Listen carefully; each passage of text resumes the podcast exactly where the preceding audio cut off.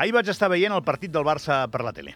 Els blaugrana jugaven en partit de Copa al camp de l'Unionistes de Salamanca, un equip de dues categories per sota. Els de Xavi arribaven molt qüestionats al partit i al final van guanyar per 1 a 3. Però, durant un tram del partit a la primera part van estar perdent per 1 a 0. I tampoc es podia dir que en aquell moment, quan anaven perdent, fos molt injust el resultat. I tota aquella estona em vaig estar imaginant, perquè conec bé aquesta situació, eh, tan culer, el munt d'aficionats del Barça, d'aquí d'Andorra, que estaven davant del televisor, molts els conec, desitjant que l'Unionista es marqués, el segon, i si es podia el tercer i el quart.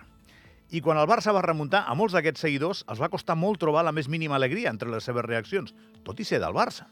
Estaven i estan tan enfadats que ja no troben el calaix on guarden l'alegria de celebrar un gol del seu equip. I més si és en aquest context, jugant contra un equip inferior, Copa... Bé, és allò de quan pitjor, millor. Rebentem-ho tot i fem foc nou.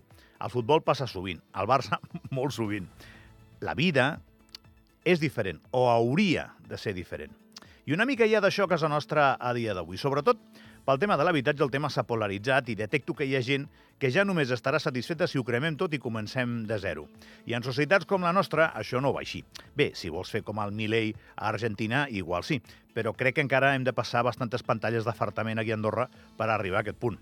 El que detecto és que hi ha un munt de persones que a dia d'avui han pres posició en una trinxera i des d'allà disparen quan poden a l'enemic. Òbviament, a qui més disparen és el govern de Demòcrates per Andorra.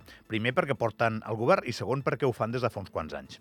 Això no vol dir que, que no se'ls pugui criticar, el govern només faltaria, però mirant d'argumentar les coses una mica i no per sistema, que és quan perd credibilitat.